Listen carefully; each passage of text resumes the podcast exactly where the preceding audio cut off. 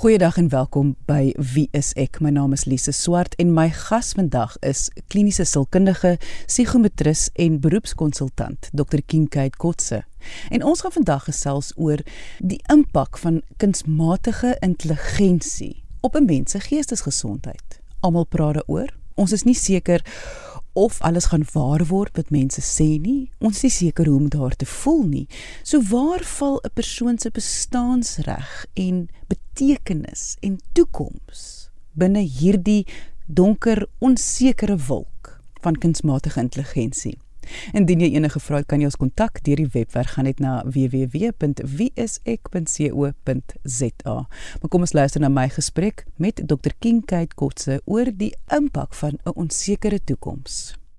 Kate, in jou praktyk, jou professionele lewe waar jy werk ook met maatskappye en goed, kom jy agter dat mense is bekommerd oor kunsmatige intelligensie? Het hulle al 'n opinie daaroor? Lees ek dink dis 'n groot tendens op die oomblik. Ek dink almal praat daaroor. Ek dink daar word baie daaroor gepraat, veral in die media. Dis nie moontlik om om nie daaroor te praat nie. Die impak is dit maak mense baie onseker en en onsekerheid um, lei dan tot angs. So so baie mense sit met hierdie angs ehm um, of selfs 'n vrees dat 'n robot gaan my werk oorneem vorentoe. Ek gaan glad nie meer werk hê nie. En die die groot groot ding waar waar ons moet eerlik wees met mekaar is dat jou bestaansreg as 'n mens word baie baie geanker in wat jy doen. En want dit is amper as wie ek is en wat ek doen is is baie keer dieselfde ding vir mense, jy weet. Ek is 'n sielkundige en dit definieer wie ek is. So die dag as tegnologie my werk oorneem, dan val ek ook al weg. Ehm um, en en dis dis die groot angs wat op oomblik veral in die media gedryf word. Ek wil bietjie praat oor daai bestaansreg en mense identiteit rondom jou beroep. Veral omdat ek en jy veral so baie praat oor die nuwe generasie wat op 'n ander manier kyk na 'n beroep en die belang van 'n beroep. Maar ons het 'n luisteraarsgroep wat definitief en ek ek sien myself in daai groep. My identiteit is gekoppel aan wat ek doen. Kan ons bietjie gesels oor oor net daardie aspek? Dis nou maar 'n sosiale konstruk. Dit kom nou al vir jare saam en as ons nou regtig tegnies moet raak en ons praat nou oor Kelly se konstrukteorie, dan uh, argumenteer sielkunde dat ons kan nie alles onthou nie. As jy iemand ontmoet, jy kan nie alles wat jy sien en alles wat jy hoor en die persoon definieer op die plek nie. So jy gaan 'n klomp feite in jou kop saamgooi en dan gaan jy in een konstruk vashou. So dis baie makliker as iemand vir jou sê my naam is so en so en ek doen dit dan dan is dit die konstruk waarmee jy assosieer. So dit maak dit net makliker vir ons breine om dit te onthou. Uh om te sê, o, okay, ehm um, jou naam is dit en dis wat jy doen. So nou het ek 'n beter idee wie jy as mens is. En dit kom nou al jare lank so, ek dink histories het ons dit geërf, die, um, die hele idee van mens as jy nuwe mense moet dan vra jy eers net hulle naam en dan vra jy tweedens wat doen jy? Maar dit is ook nie meer die waarheid vir die vir die nuwe generasie nie. Dit wat ek doen definieer my nie so so erg meer soos wat dit in in die vorige generasies gedoen het nie.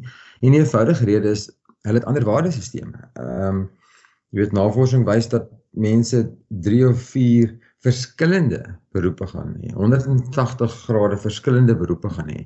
Soos jy gaan eendag nog in jou jou meetings in 'n koffieshop sit en werk um, en vir uh, iemand en die volgende dag gaan jy jou eie koffieshop oopmaak. Dit is dis dis nou vergaande 'n um, voorbeeld, maar jy gaan verander. 'n Nuwe generasie dink anders oor werk as wat ouer mense daaroor dink.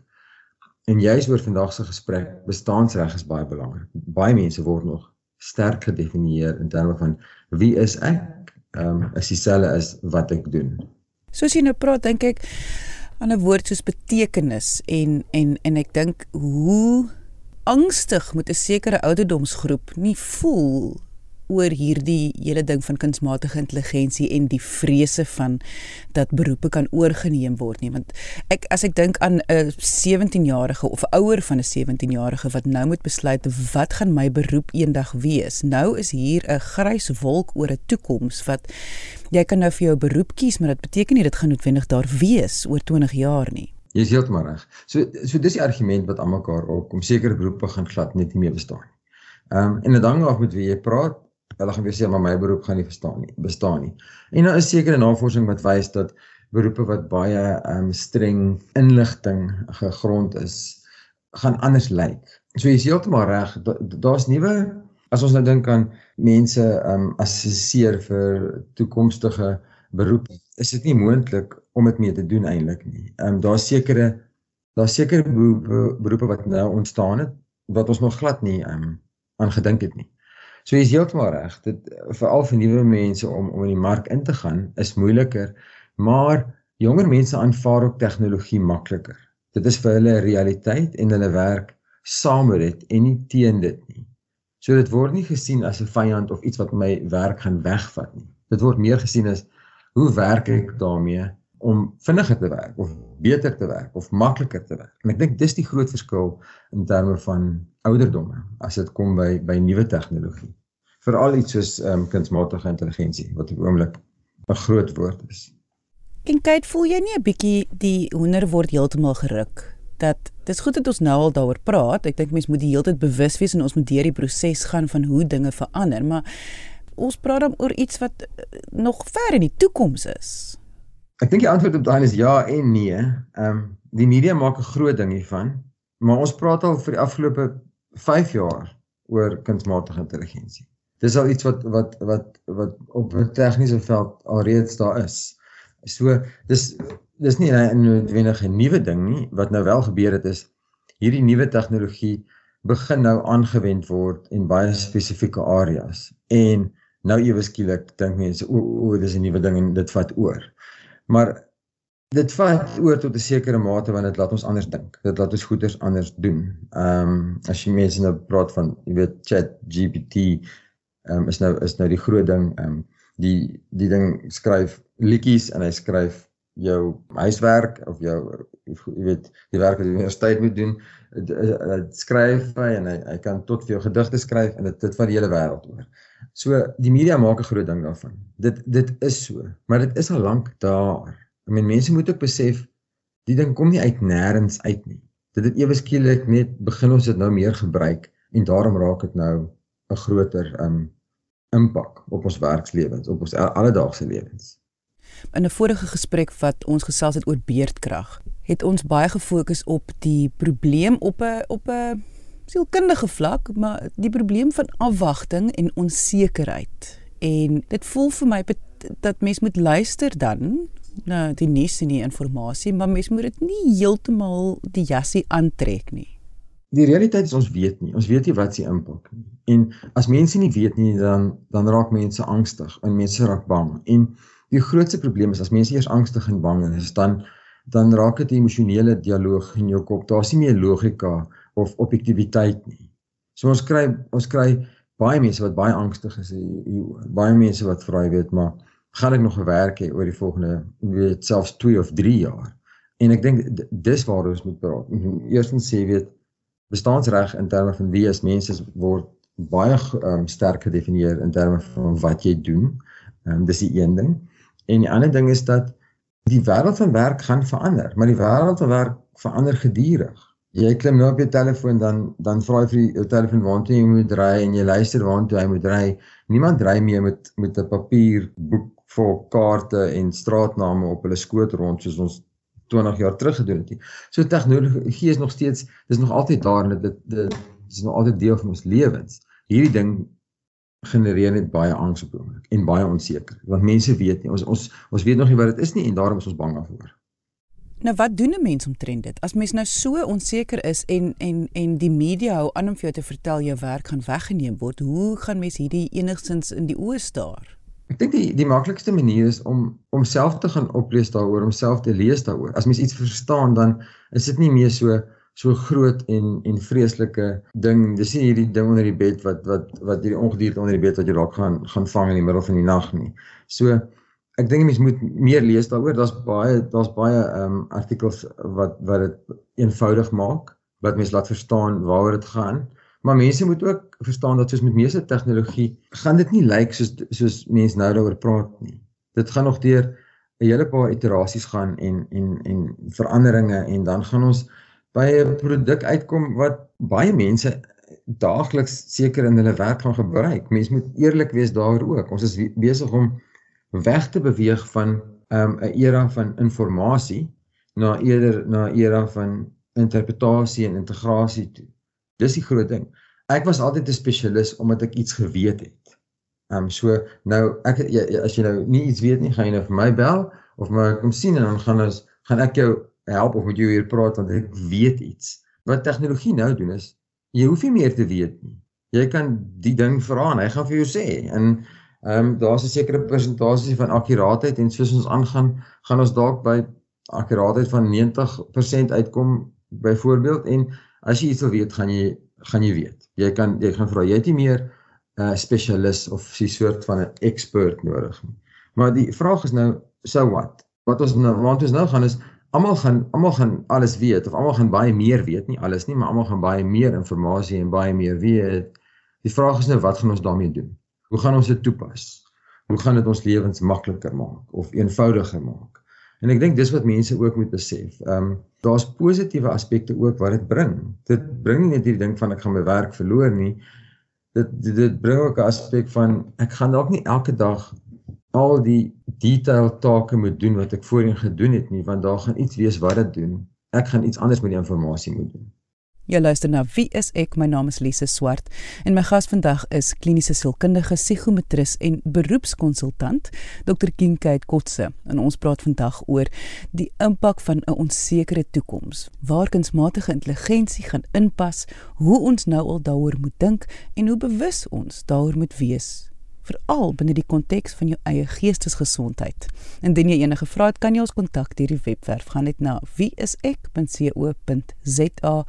of na wieisek se Facebookblad onder wieiseksa. Kom ons luister nou verder na my gesprek met dokter Kinkheid Kotse oor hierdie onsekere toekoms en en waar val ons bestaansreg en betekenis in hierdie hele prentjie? Kinkie, jy praat so oor hoe om dit te verstaan, lees meer daaroor en hoe meer jy verstaan, hoe hoe, hoe beter kan mens voel daaroor. Sou jy sê mens moet dieselfde doen oor hoekom 'n mens so verskriklik angstig is daaroor of hoekom mense dalk vrees of kwaad raak vir tegnologie? Want baie mense is kwaad. Soos regtig, hulle hulle is hulle raak sommer kwaad as mense gesprek by die braaivuur opbring, raak hulle kwaad en sê ja, maar hierdie is sommer simpel en dit is dit is nie iets wat ek oor wil gesels nie. Dit sal dit, dit sal nooit regtig gebeur nie, sulke tipe goed. Sou jy sê mens moet dit ook kyk daarna? Ek dink die oplees daaroor is moeiliker want die die die kwaad gaan oor 'n emosionele ehm um, reaksie wat mense het. So jy jy kry met enigiets nuuts kry jy twee kampe. Ehm um, as ons dit nou so eenvoudig kan stel.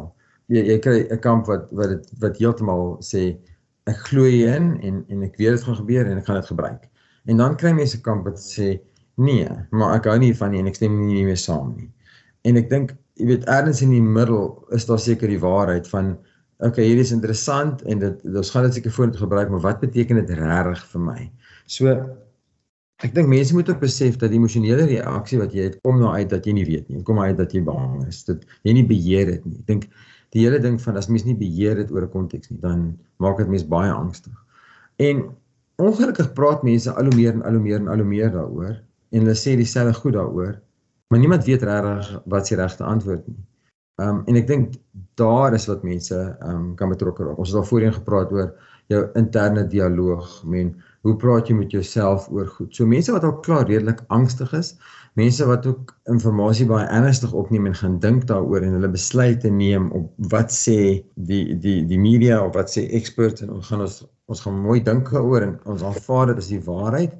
Daai tipe mense gaan meer angstig wees daaroor en hulle moet besef Jy weet daar's baie voorbeelde wat sê kyk, hier gaan nog 'n rukkie vat voor ons hier uitkom. Sekere artikels sê ons praat van oor 5 jaar gaan ons eers totaal hierdie ding geïntegreer hê in die wêreld van werk.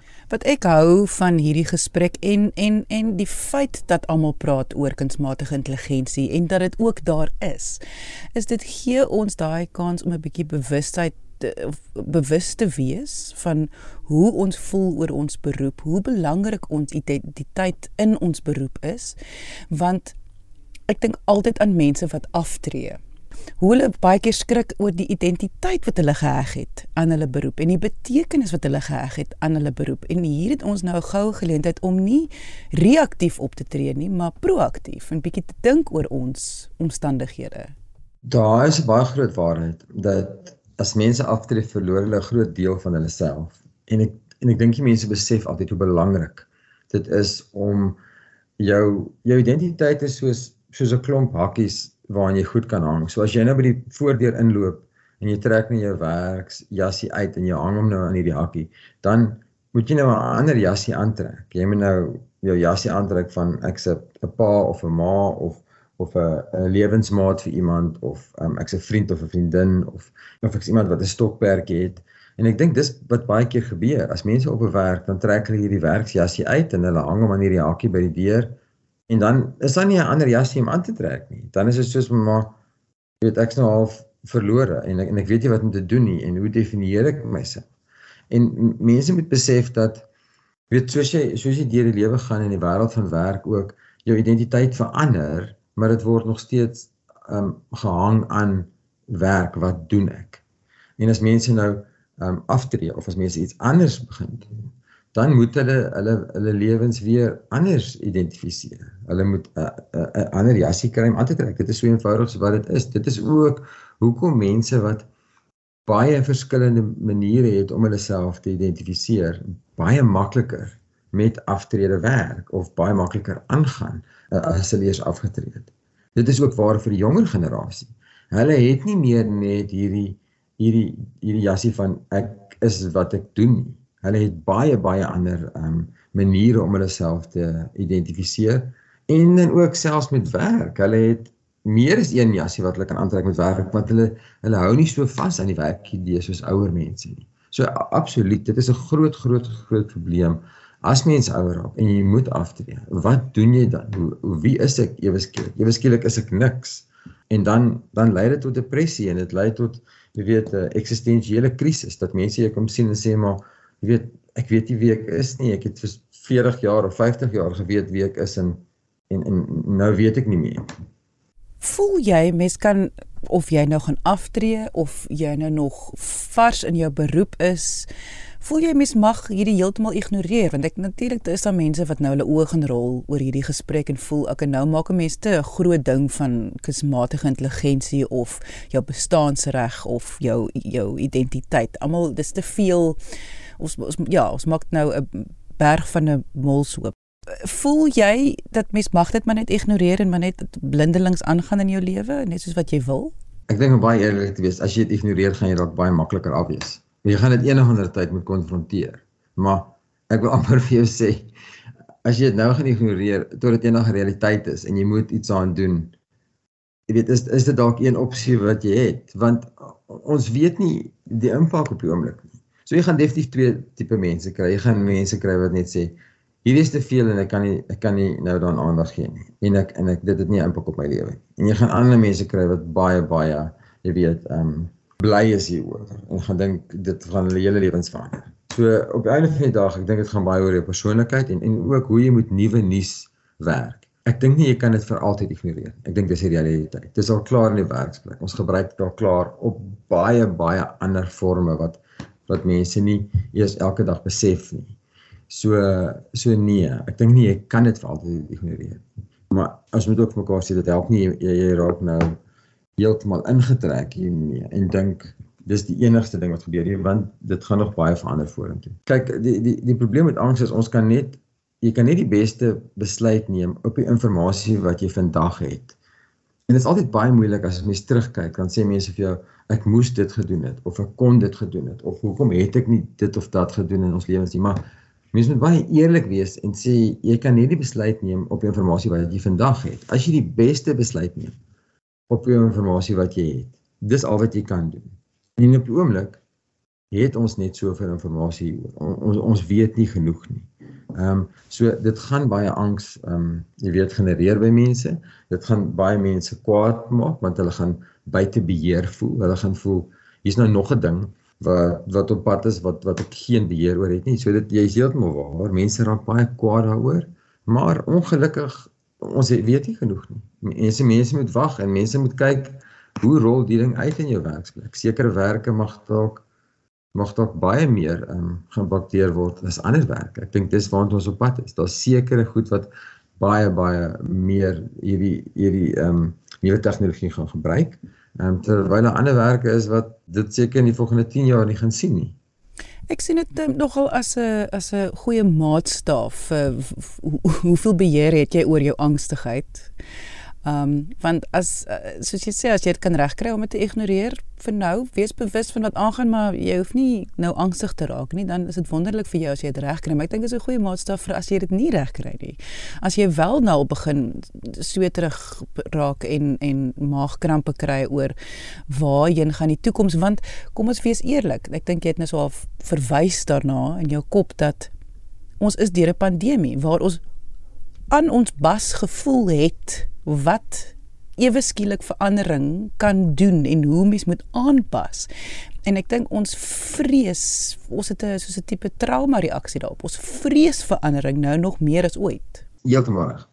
Mense sou dink dat as jy op 'n sekere stadium kom met mens mens gewoond wees van aan verandering en en dit dis maar hoe die lewe is. Die probleem wat ons het is dat die pandemie het ons baie sensitief gemaak. Veral nie net so van verandering nie, maar veral van ver, aan verlies want ons het baie verloor in die pandemie. Die mense het die die die reg verloor om buite rond te loop, die reg verloor om weet mekaar te sien, die reg verloor om om te oefen, die reg verloor om om voort te gaan met besigheid soos ons altyd gewerk het. Ehm um, en jy het baie kontakte verloor, jy het baie sosiale interaksie verloor. So op die oomblik assosieer ons verandering moet net die negatiewe deel van verandering want die pandemie was 'n negatiewe impak hoofsaaklik.